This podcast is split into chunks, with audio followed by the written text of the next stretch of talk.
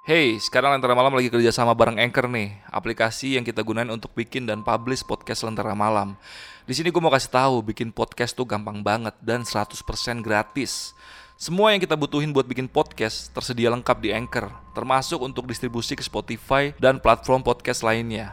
Yuk download aplikasi Anchor sekarang dan bikin podcast kalian segera.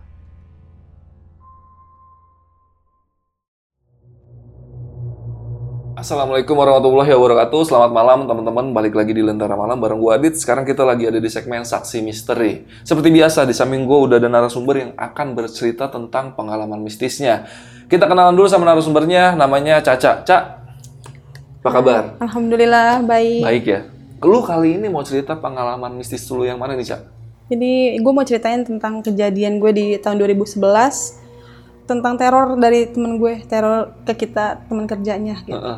Itu awal mulanya sampai neror kenapa tuh Cak? Karena dia jadi korban tabrak lari. Tabrak lari Dan lu tadi sempet cerita sama gua sebelum kita syuting Kalau beritanya sampai masuk di koran lokal Banten ya Koran Banten. Iya. Aduh, dua- 2011 mungkin karena media online masih belum terlalu gencar ya zaman-zaman iya, itu nggak ya. sekarang. Dan mungkin itu cuma masuk di media lokal aja di daerah itu kan ada koran-koran daerah doang Iya, gitu ya.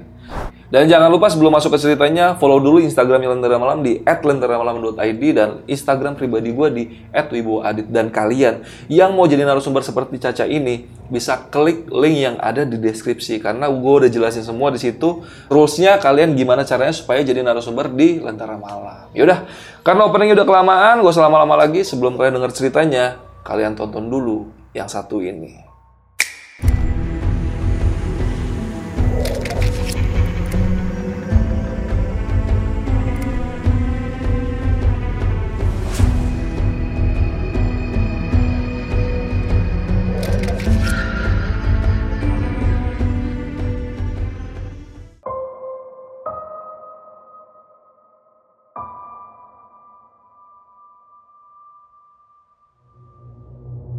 Tahun 2011-an nih kejadian terjadinya. Itu gue punya teman namanya Santi. Eh, Bisa dibilang deket sih, deket lumayan deket karena kita suka makan bareng apa segala macam deh. Nah terus nggak tahu kenapa tuh anak tiba-tiba mutusin aja gitu buat pindah tempat, gitu buat pindah, kerja. buat pindah tempat kerja gitu. Tapi masih deket-deket lah nggak jauh banget. Terus oh, udah beberapa bulan kita nggak ketemu, cuman kontak-kontakan kayak gitu doang kan. Terus tiba-tiba dia di hari Kamis di tahun 2011 itu gue lupa bulannya gue lupa.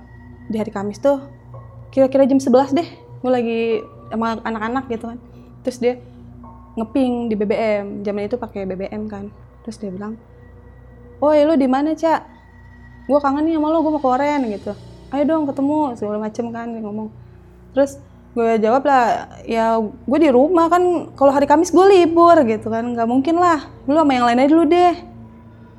Ya nggak asik loh gue kangen banget nih gitu ya nanti aja lah. Eh, hari Sabtu malam minggu lu datang lagi deh gitu kan. Terus dia bilang kapan lagi lo ketemu sama gue? gitu. Kan ini terakhir gue ke Oren kata dia. Terus gue bilang ya elah lo ntar malam minggu deh lo datang lagi gue masuk kok gitu. Udah kan udah tutup terus pas itu udah tuh nggak ada kabar apa apa nih di BBM sepi-sepi aja kan. Terus pas besoknya sore kayak biasa gue berangkat kerja gue sampai tempat kerja gue lihat kok anak-anak mukanya kenceng nih gitu kayak pada tegang gitu. Ada beberapa kan yang udah datang ini ada apa nih? gue ledekin. Belum ada gajian lo gue ledek gitu. Terus tetep aja kan nggak nggak ada re- reaksi apa-apa gitu lu udah dapat kabar belum? Kabar apa nih? Gitu. Santi kecelakaan gitu. Oh yang bener? Gue kan masih ya semalam gue BBM-an gitu kan. Yang bener? Iya. Eh, Santi kecelakaan meninggal di tempat katanya. Dia sama suaminya. Suaminya pun sama meninggal di tempat gitu. Ya gue shock kan karena kan loh baru semalam gue BBM sama dia meninggalnya kapan gitu. Jam 3 pagi meninggalnya nah sekarang gimana nih? Kita mau ngelayat nggak gitu ke rumahnya? Boleh deh boleh. Cuman nggak usah nggak usah semuanya deh gitu. Eh, diwakilin aja paling beberapa orang doang gitu kan.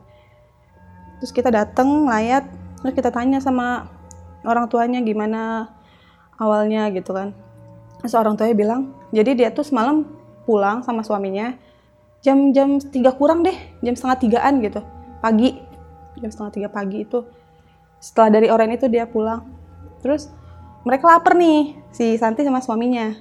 Mereka lapar, terus jalan kaki lah ke depan gang karena kan nggak terlalu jauh kan, makanya mereka jalan kaki. Di seberang jalannya itu, di seberang jalan gangnya, itu ada kayak tukang pecel gitu kan mereka mau makan di situ nyebrang lah nih mereka nggak tahu nggak lihat kiri kanan atau gimana ada mobil aja gitu kenceng nabrak mereka berdua gitu dan ya mobilnya ya mobil ya minibus gitulah hitam terus tabrak lari gitu. Jadi nggak benar-benar habis nabrak udah ditinggal gitu aja. Ya orang-orang yang ada kayak tukang pecel apa yang lihat situ kan langsung nyamperin kan di telepon segala macam ambulan apa. Ya ternyata me memang dia udah nggak ada udah meninggal di tempat gitu dua-duanya. Makanya kaget kita tuh dengar cerita dari ibunya itu dari situ udah kita balik lagi ke tempat kerja kan. Ya masih dengan suasana yang nggak percaya karena anak-anak banyak yang baru semalam gitu. Baru semalam mereka happy happy bareng. Terus gue juga uh, BBM-an sama dia tuh baru semalam gitu. Dia bilang kangen sama gue. Ya gue juga kangen sih sama dia. Cuman kan karena emang gue udah lagi libur terus itu waktu buat keluarga gue kan gitu. Karena gue nggak bisa. Ya suasana sampai kita pulang kerja pun itu masih apa ya suasana nggak percaya terus sedih. Ya pokoknya gitu deh campur aduk. Sampai akhirnya udah berjalan tuh kita kerja tetap beraktivitas kerja. Sampai pulang jam seperti biasa deh jam 2an pagi. Gue sampai rumah. Gue tuh rutinitas pulang kerja tuh biasanya bikin mie instan gitu. Jadi ponakan gue tuh cing lu mau mie instan nggak? Boleh boleh gitu mau. Nah dia masakin kan. Gue tuh lang- pulang kerja itu belum ke kamar mandi. Jadi gue langsung ke kamar kan langsung buka hp gitu gue buka hp ya gue kaget dong. Gue buka password handphone gue wallpapernya foto Santi. Jadi pas gue buka langsung foto dia kan. Dia pakai kemeja warna biru garis-garis hitam gitu. Gue inget banget dia selfie gitu. Ya gue langsung kaget gue lempar kan tuh handphone jatuh handphone gue udah tuh gue langsung tidur aja deh. Dan itu ponakan gue ngasih mie instan pun gue gak gue gak, gak, peduliin gitu kan bodo amat deh. Gue nggak makan. Sampai paginya gue bangun ya mie gue tetap masih ada kan udah mangkak terus handphone gue masih di posisi yang sama. Cuman anehnya tuh handphone gue kebanting udah beberapa kali kan. Biasanya baterainya kelepas gitu. Ini enggak utuh cuman karena udah pagi jadi gue ah beraniin deh gitu ya. Gue beraniin gue ambil handphonenya gue buka nyala dong nggak mati. Gue nyalain ya itu normal. Normal kayak kayak biasa aja wallpaper yang gue pasang. Terus uh, bener-bener ya kayak handphone gue gitu nggak ada. Terus gue penasaran nih semalam yang gue lihat foto yang di mana ya? Jangan-jangan gue abis lihat-lihat DP BBM dia kali ini gue lupa close gitu. Kan bisa kan kadang lupa. Makanya gue buka gue buka BBM ya foto dia masih sama masih seperti yang sebulan dua bulan yang lalu. Dengan selfie-nya si Santi ini fotonya tuh pakai kaos kaos bola gitu. Nggak pakai baju biru yang kemeja itu? Nggak pakai baju yang kemeja biru itu enggak jadi kaos kan beda banget kan kaos sama kemeja. Warnanya putih ada alis merahnya gue inget banget deh. Terus kok oh coba deh lihat di galeri mungkin gue punya foto dia kali ya gitu tapi memang seingat gue dia nggak pernah gitu. Santi ini uh, selfie di handphone gue sendiri gitu nggak pernah. Cuman buat ngeyakinin gue buka deh. Pas gue lihat ya bener nggak ada nggak ada sama sekali. Gitu foto dia itu. Udah deh kita udah masing-masing nih. Gue nyebut dalam hati aja gitu. Itu udah masing-masing ya gue juga kangen sama lo. Cuman ya memang kehendaknya udah begini gitu. Jadi ya udah gue ikhlasin aja gitu. Lo gue sedih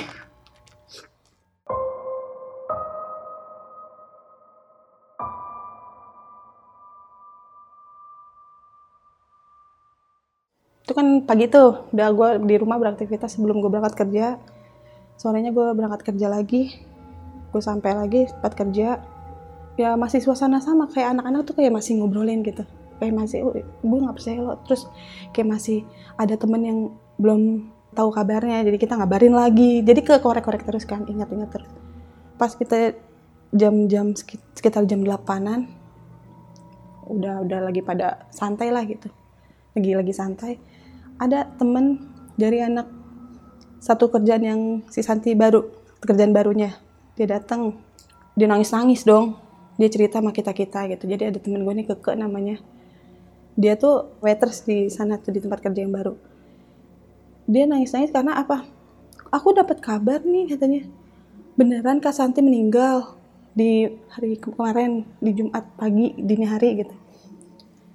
Iya bener kabar gini-gini padahal aku BBM-an sama Kak, Santi loh. Jam 4 subuh di hari itu kata dia. Nih BBM-nya masih ada.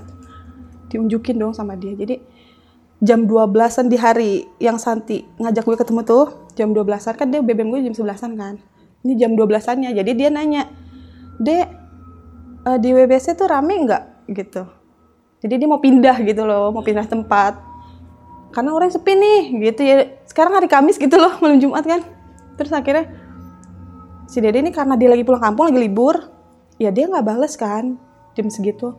Bales pas dia usaha subuh bangun dong jam 4 maaf kak Dede udah tidur soalnya Dede di kampung gitu. Jadi Dede nggak tahu rame apa enggak. Terus dibales. Iya nggak apa-apa dek.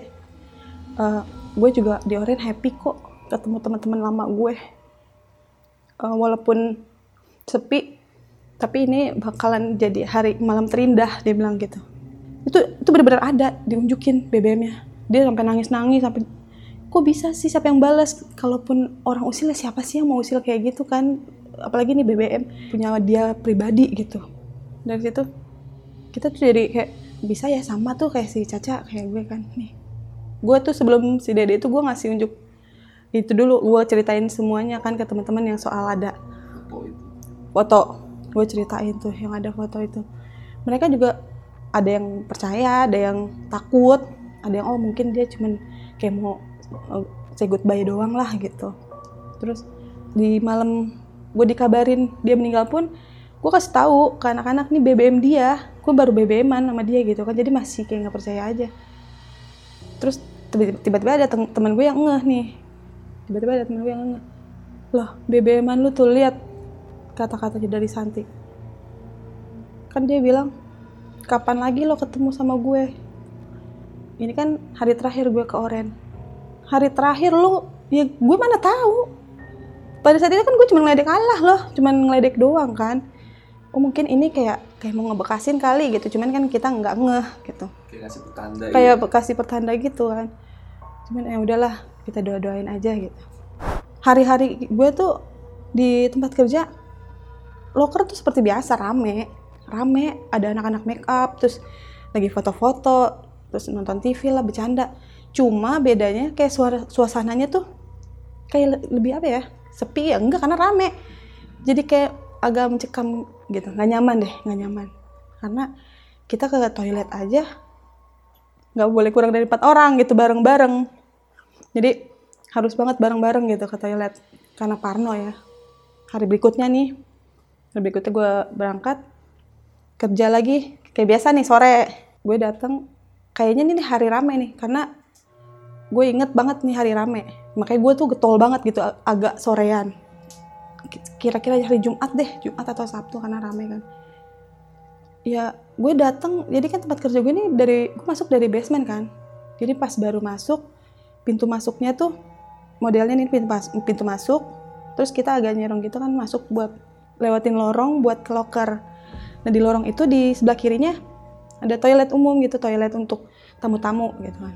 Terus ada dua tangga gitu naik. Itu di situ biasanya gue semasa si Santi masih ada tempat gue ledek-ledekan sama dia. Ya sih? Jadi kayak gue ngagetin dia gitu sebaliknya. Tuh gue sampai separno itu loh. Jadi gue mau lewat gue takut dia ngagetin gue gitu. Makanya aduh tar dulu deh gue balik lagi kan. Gue udah maju ntar dulu deh. Sampai gue parno begitu nggak nyaman kan gue udah ntar aja lah gue di kasir dulu gue di kasir sama anak kasir. Udah gue tungguin sampai temen gue lewat gue bareng dong sama dia ke locker. Ya emang gak ada apa-apa gitu di situ. Nah pas udah gue masuk locker sama anak-anak kan sekitar jam tujuan deh malam kita lagi make up kan biasa pada make up. Temen gue nih ada namanya Dian. Dia kalau mau make up kan biasa cuci muka dulu gitu. Dia cuci mukanya di toilet yang tadi gue bilang itu.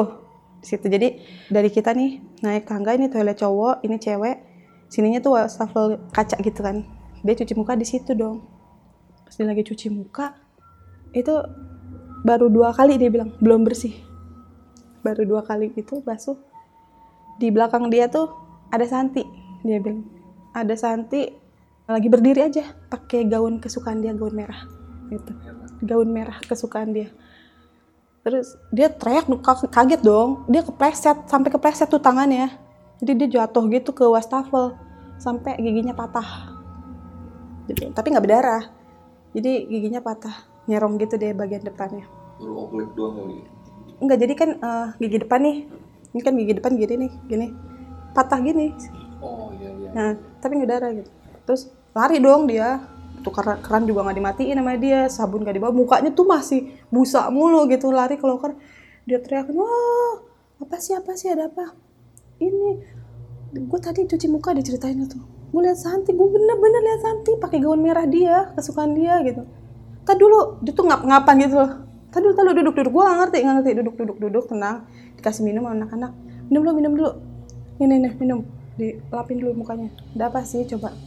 Gigi gue sampai patah dia, dia nyengir tuh kan ngeliatin gigi gigi gue sampai patah. Gara-garanya apa ya dia ceritain kayak gitu. Terus sampai dia tuh nangis-nangis, nangis-nangisnya tuh, ya Allah Santi, udah dong kenapa sih lu neror kita kayak gini gitu. Salah kita tuh apa sebenarnya gitu. Gigi gue patah nih sampai jadi kayak serem-serem lucu sedih gitu kan dia tuh karena mikirin giginya. Terus kayak dari situ ya udah udah udahlah nggak usah diinin ntar besok besok lu tambah lah lu apain gitu kan kita nih.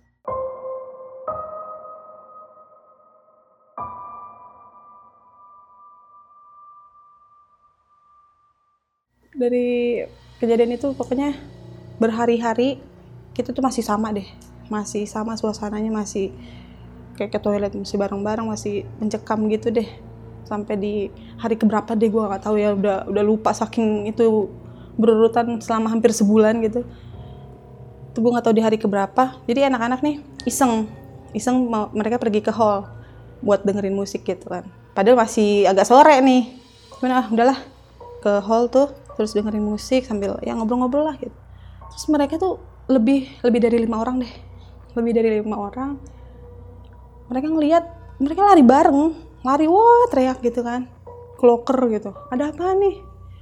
Ada apa ada apa lu lihat apa lu lihat apa? Santi ngapain? Joget di pojokan. Jadi hall hall gue ini kan masuk ke hall terus speaker udah ada dua yang gede kan pojok kiri kanan terus me- meja DJ di tengah kan dia tuh seperti biasa di speaker pojok. Terus dia tuh selalu joget ngadep muka dia tuh ngadep ke speaker gitu. Di ngebelakangin kita kita orang.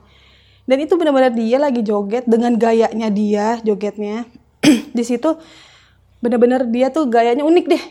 Nggak ada yang lain. Jadi eh, udah pasti dia. Kalau yang kayak gitu udah pasti dia gitu. Dengan gaun merahnya dia gaun saya kesukaan dia itu. Terus anak-anak ngomong kayak gitu kan bareng. Oh masa sih? gitu yang belum lihat sih ya kayak ah itu mah cuman halu kali cuman parno kali kayak gitu. Tapi kok bareng? Kalau kalaupun parno tapi kok banyak gitu yang lihat. Apa lu ikut ikutan lari doang enggak gitu. Enggak kita lihat gue ngerti kok kayak gitu. Dan mereka tuh semua sama. Gerakannya bajunya terus posisinya gitu mereka tuh semua sama ditanya tuh gitu. Udah berjalan kayak gitu nih ya. Nggak tahu juga di hari keberapa juga. Tapi gue yakin ini malam minggu. Jumat atau malam minggu karena di hari rame di hari rame jadi ada satu tamu nih datang tiba-tiba ngomong nih ke temen, eh, ke maminya lah gitu. Nama mama, maminya tuh mami Yuke kan. Jam-jam tujuan deh jam 7 malam dia mau karaokean terus dia mau pesen LC kan. Dia ke diba, dibawalah ke ruang LC nih untuk milih gitu. Terus tiba-tiba dia bilang mih saya mau yang itu tuh. Itu manis banget tuh. Yang mana bang? gitu kan oh itu yang pakai gaun merah. Oh iya sebentar ya coba gitu. Dilihat yang pakai gaun merah ya banyak kan cuman ya rambutnya panjang. Rambut kebanyakan rambutnya panjang sama sebahu. Sedangkan si Santi ini kan dia rambutnya bob gitu kan.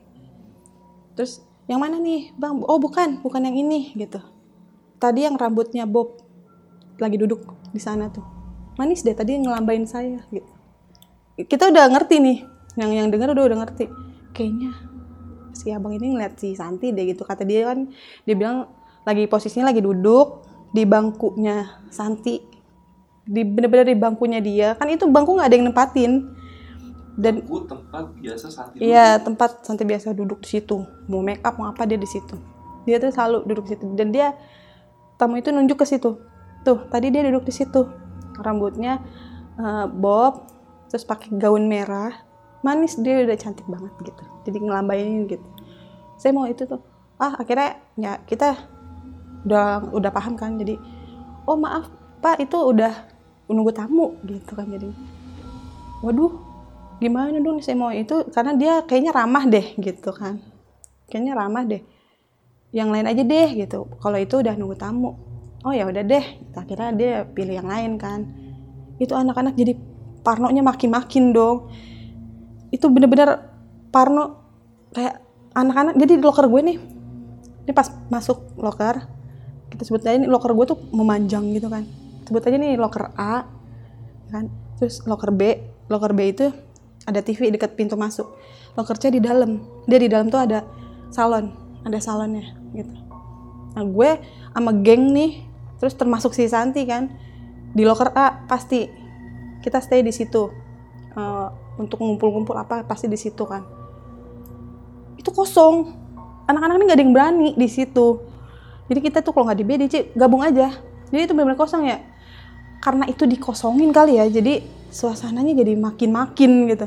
Jadi di situ tuh eh, kalau ada anak baru nih kita taruhnya di situ gitu kan. Anak baru kan nggak tahu kan. Lo oh ya udah di sana tuh duduknya ya tuh kosong tuh pilih yang mana gitu. Daripada nggak ditempatin kan Hey, sekarang Lentera Malam lagi kerja sama bareng Anchor nih, aplikasi yang kita gunain untuk bikin dan publish podcast Lentera Malam. Di sini gue mau kasih tahu, bikin podcast tuh gampang banget dan 100% gratis. Semua yang kita butuhin buat bikin podcast tersedia lengkap di Anchor, termasuk untuk distribusi ke Spotify dan platform podcast lainnya. Yuk download aplikasi Anchor sekarang dan bikin podcast kalian segera. hari-hari nih yang semacam joget di hall itu hampir seminggu tuh bisa tiga kali kejadian yang sama. Muncul di situ di depan speaker joget-joget ala dia dengan gaun merahnya dia. Dan itu yang ngelihat ih, anak-anak banyak. Gitu anak-anak banyak yang ngelihat nggak cuma satu dua. Terus hari keberapa gue nggak tahu juga deh. Jadi ada temen gue nih cerita dia dia lagi ngerum kan. Ada tamunya tiga terus LC-nya tiga juga ya me- mereka berenam lagi nyanyi dangdut gitu deh. Kan apa lampunya tuh remang-remang gitu kan dikecilin gitu. Pas lagi mereka joget-joget tiba-tiba ada satu sosok yang lagi joget juga gitu. Di pojok kan lagi kok itu siapa lagi joget juga? gitu. Nyalain lampu. Nggak ada. Coba deh dicek dong eh, ke kamar mandi. Mungkin ada yang ngumpet kali ini gitu kan. Ternyata nggak ada. Nggak ada nggak ada siapa pun. Ah udah matiin lagi. Mereka tuh ngeliatnya bareng. Enam orang itu sama lihat gitu lihat. lihat juga tamunya. Mati lampu mereka lanjutin lagi joget-joget dangdut gitu kan. Terus ada lagi. Kayak gitu lagi sama. Siapa sih nih? gitu kan nyalain cari lagi. Bener-bener kosong ada mereka doang berenam kamar mandi nggak ada siapa-siapa. Akhirnya udah panggil waitress close. Langsung itu baru setengah jam tamunya minta close karena ngeliat itu. Anak-anak tuh udah paham makanya mereka nangis. Kita di close gitu. Gara-gara ada si Santi di room gitu kan. Dia lagi ikut-ikut joget. Bener-bener dia karena kan kelihatan kan perawakannya gitu. Posisi dia berdiri cara dia berdirinya rambut gaun. Ciri khas banget gitu. Terus buat nyangkal itu bukan Santi tuh kayak nggak mungkin gitu. Karena itu gue ya kita yakin dia gitu. Oh ya udahlah doain aja udah nggak usah dipikirin itu kenapa kenapa gitu. Kita masih dengan keadaan yang lumayan mencekam gitu suasananya terus masing-masing tuh parnoan terus ke toilet harus bareng banget itu tuh berhari-hari gitu hampir sebulan.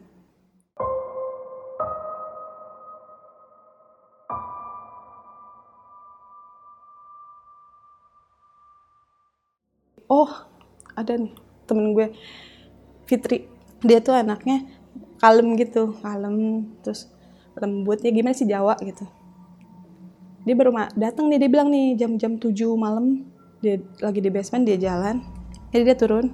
Mau masuk nih kan di sini kan pintu masuk. Dia turun. Dari arah berlawanan dia bilang ada Santi lagi jalan. Kenapa lu bisa bilang Santi? Kita gitu kan. Karena mukanya kelihatan. Itu dia dan dia senyum ke aku. Dia bilang gitu.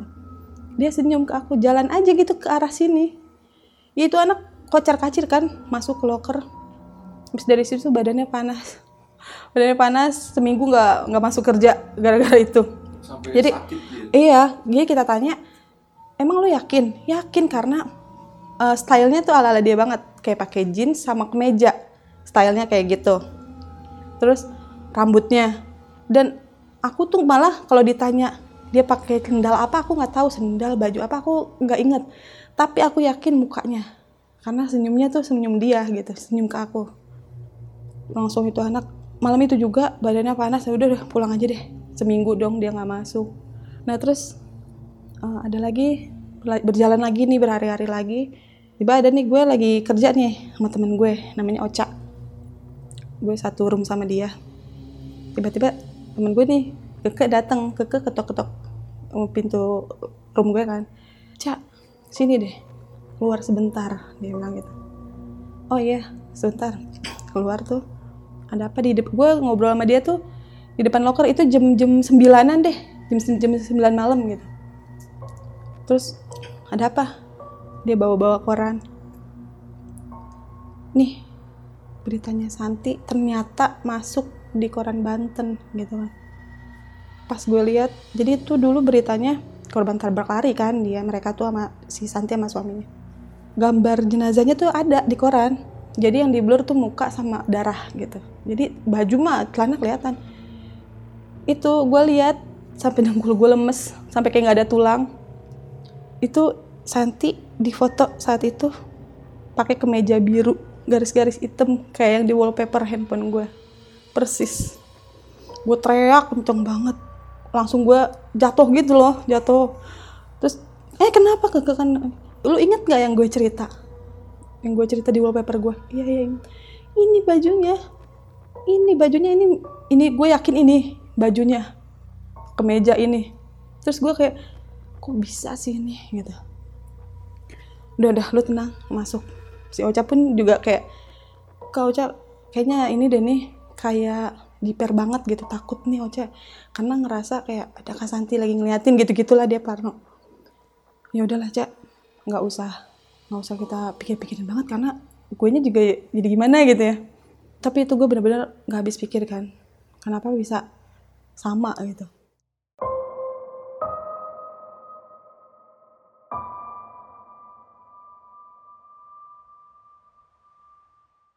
Nah dari situ kejadian yang paling kita kita kita nih kita kita ingat itu lagi biasa seperti biasa nih jam 7 malam lagi mau persiapan lah gitu lagi make up semua. Yang gue bilang tadi loker loker biasa gue sama geng gue kan yang loker A loker B loker C. Di loker A itu kan cuma anak-anak baru kan. Jadi bangkunya tuh ada dua susun gitu panjang panjang ada dua. Dia tuh di depan depan nomor tiga. Itu tempat dia banget kan. Gue tuh inget banget kalaupun mau ngeliat kan gue doang harusnya kan. Jadi ini kan loker gue kan dari loker C nih. Otomatis gue ke arah situ dong. Anak-anak yang lagi nonton TV terus yang lagi uh, make up yang lagi cerita-cerita semua kita bareng ngeliat ke arah situ. Tiba-tiba aja gitu. Tiba-tiba aja kayak dingin pengen nengok aja ke situ. Itu kita semua lihat bareng-bareng ada Santi. Ada Santi lagi duduk di tempat biasa dengan kakinya yang disila gitu silang gitu. Itu posisi dia banget. Terus dia dengan gaya kayak gini nih. Manis banget udah udah make up kan. Pakai gaun merah dia biasa. Cuman yang gue lihat karena gue lihat kan yang gue lihat bukan kayak orang nih. Ini kayak bang Adit kan bisa dicubit gitu. Ini enggak. Jadi kayak orang kayak orang tapi transparan gitu. Tapi jelas bener-bener jelas itu dia dia banget itu gue yakin dia bentuknya bajunya mukanya semuanya itu dia. Kita lari ke loker C kan loker dalam. Itu sepi tuh. Di locker B di locker A itu sepi. Cuman suara TV doang. Terus gue langsung gini dong kalau kita kayak gini ya nggak bisa dong. Masa kita numpuk-numpuk di sini? Udah gitu. Ya nggak lucu juga nanti kalau ada tamu ngeliat kosong kayak gini gimana sih? Gitu kan. Udah ya keluar ya. Uh, coba-coba keluar lihat. Kita lihat kayak kayak apa sih kayak ngendep-ngendep kayak karena takutnya ada tiba-tiba ada gitu. Kita keluar ya kosong sepi. Nggak ada bangku dia juga kosong. Nggak ada siapa-siapa. Nih gue udah nggak nyaman nih gitu. Kenapa sih gue kita diteror? Udah duduk ya duduk. Jadi di locker B tuh udah kayak ada renungan gitu kan. Gue ajak anak-anak duduk deh yuk sini duduk. Anak-anak baru pun mereka ikut gitu. Duduk sini gue nggak ngerti ya kenapa kita nih selama hampir sebulan ini kayak sejak Santi nggak ada tuh kayak di teror gitu. Jadi nggak nyaman nih kita nih kerja jadi nggak enjoy banget deh gitu. Coba deh inget-inget ada nggak? Lu pada nih gitu.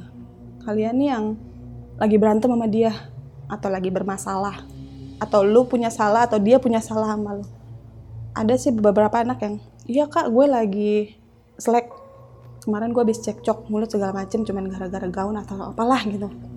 Terus ada juga yang bilang oh iya oh, aku kesel soalnya bedak aku nggak dibalik-balikin ada yang kayak gitu. Oke terus ada nggak dari kalian yang punya utang sama dia? Atau dia punya utang sama kalian gitu? Ada. Si Santi punya utang sama beberapa anak-anak ada. Oke akhirnya gue bilang ya udah gini deh. Kalau kita kita semua pernah ber bermasalah nih sama Santi maafin deh. Kalau dia pernah berbuat gimana gimana sama kita yang ngeselin atau apa buat kita marah maafin ya. Ikhlasin. Kalaupun dia punya utang sama kalian ikhlasin aja. Kalau kalian punya utang sama dia balikin. Gue bilang gitu.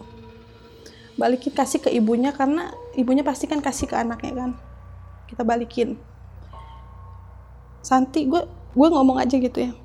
Santi kita semua sayang sama lo kita semua teman-teman lo care banget sama lo kita semua kaget dengan keadaan lo kayak gini. Tapi kita udah beda alam. Lo nggak usah pikirin soal dunia lagi nggak usah pikirin apa-apa lagi. Kita semua udah ikhlas kita semua sayang sama lo lo nggak usah pikirin anak lo anak lo di dunia ini pasti pasti keurus pasti ada yang ngurus. Lu udah tenang pergi sama suami lu. Gue bilang gitu. Udah kita sesuai kepercayaan masing-masing yuk kita doain. Mudah-mudahan Santi tenang gitu di sana. Nggak ada nggak ada ganjalan apa-apa lagi gitu. Ya coba kita ngerenung sama beberapa menit berdoa. Sampai akhirnya ya kita semua nangis. Nangis ya takut juga capek juga gitu sedih juga. Terus akhirnya udah kita berdoa udah semua malam itu kita beraktivitas lagi kayak biasa. Dan anehnya dari situ malam itu kan renungan tuh.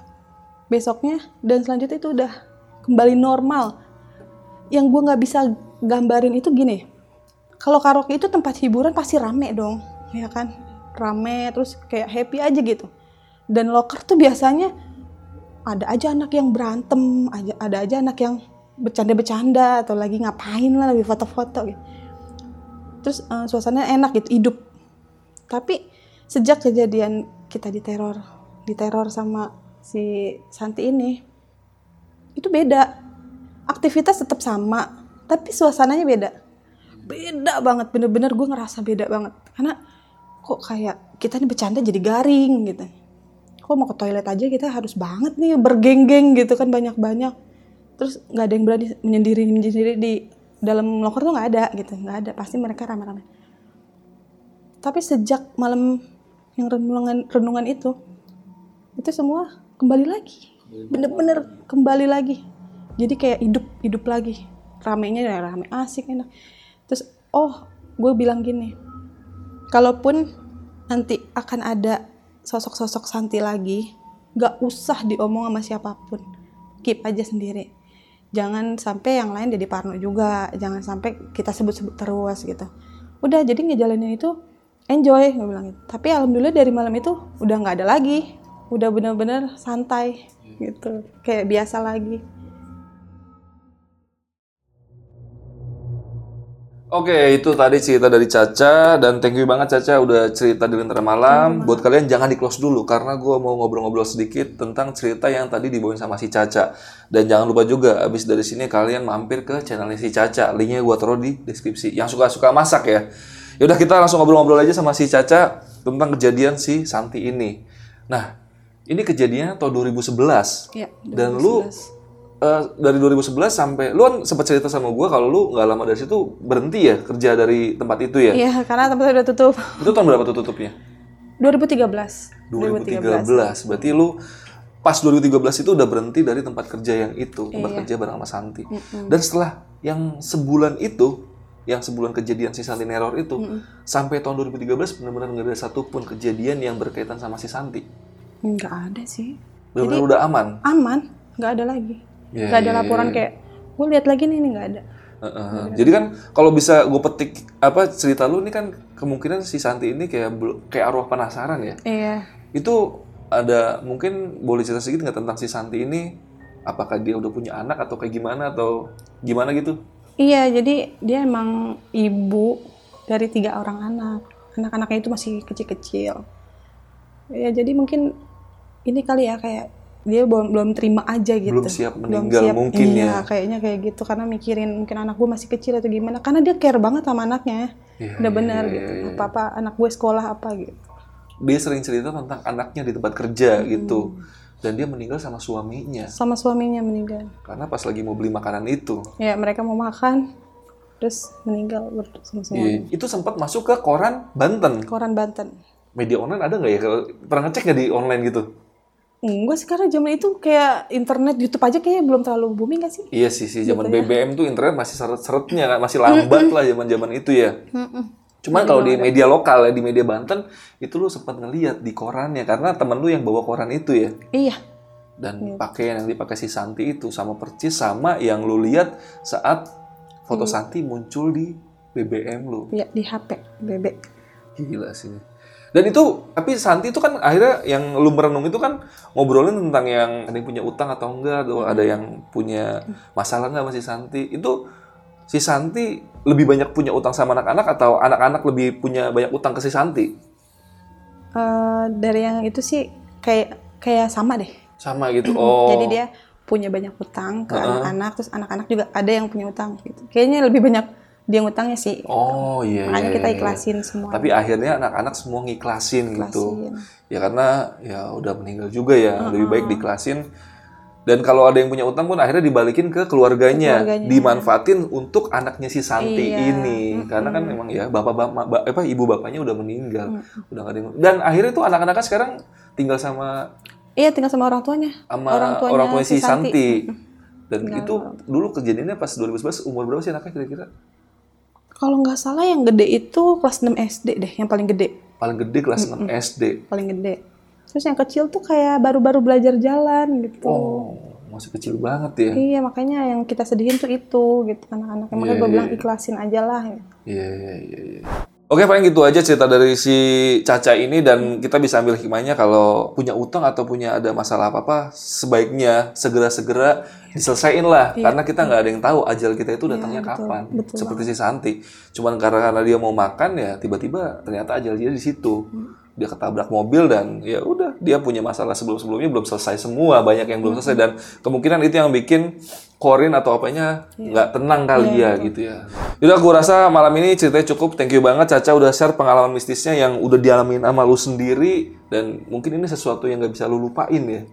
Wah banget. Dan lu tadi sempat cerita pas mau ke sini aja kayak agak-agak takut buat nyeritain si Santi Iya, ini. karena setiap kali gue sebut namanya tuh sampai sekarang nih, padahal ini udah lama banget kan. Mm-mm. Itu gue masih merinding gitu. Masih merinding. Masih merinding aja. Dan lu tadi sempat cerita kalau anak lu kayak ada tanda-tanda Iya, jadi anak gue supaya lu nggak berangkat gitu iya, ya? betul. Jadi dua hari dua malam ini sebelum gue ke sini tuh yang biasa dia nggak pernah nangis, nggak pernah cengeng, dia tuh nangis gitu, nggak ada sebab. Iya, iya. Dikasih iya. ini nggak mau, ini nggak mau. Jadi ya gimana sih? Iya, iya, iya. Dan semoga aja baik-baik aja sih, sih jangan sampai Iya, si Santi itu muncul lagi ya. Jangan Ya, tapi emang dia udah di surga Iya iya iya. Mungkin korinnya aja di sini dan Iya. kemungkinan emang kalau kita ceritain kadang-kadang emang mereka itu datang sih. Iya dan semoga aja ya aman-aman aja. Udah paling segitu aja cerita malam ini dan jangan lupa mampir ke channelnya si Caca ini apa nama, nama channelnya Caca? sarang cak Sarang. sarang cak Oke, nanti linknya gue taruh di deskripsi. Isinya tentang masak-masak. Siapa tahu kalian punya eh, resep-resep yang pengen kalian cari dan ada di Eh, channel si eh, Caca, iya. bisa mampir ke channel si Caca. Yaudah, gue rasa malam ini cukup. Gue Adit dari Lentera Malam. Caca, izin pamit.